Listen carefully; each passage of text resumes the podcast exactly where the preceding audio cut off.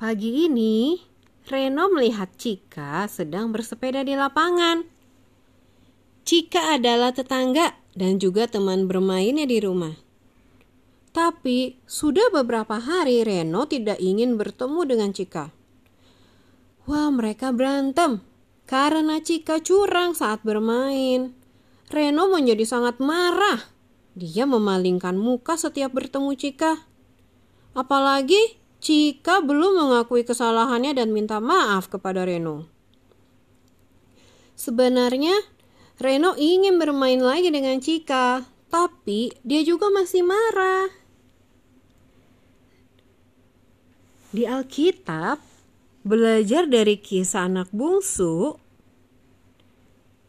kita belajar apa yang dilakukan sang ayah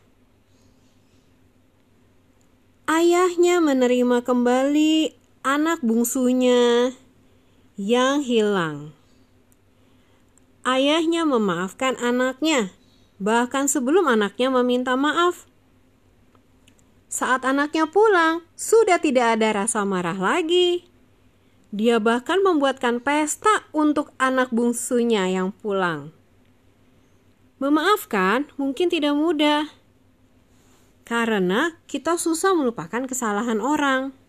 Tapi dengan memaafkan, sebenarnya kita sedang menolong diri kita sendiri supaya hati kita menjadi lebih tenang saat bertemu dengan orang yang berbuat salah. Jadi, memaafkan itu menguntungkan diri kita sendiri juga. Kalian pasti bisa belajar untuk memaafkan. Mari kita berdoa.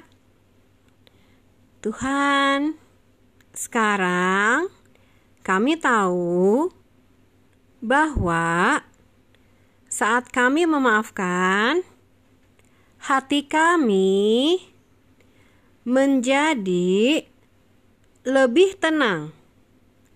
Tolong kami mau terus belajar memaafkan. Amin.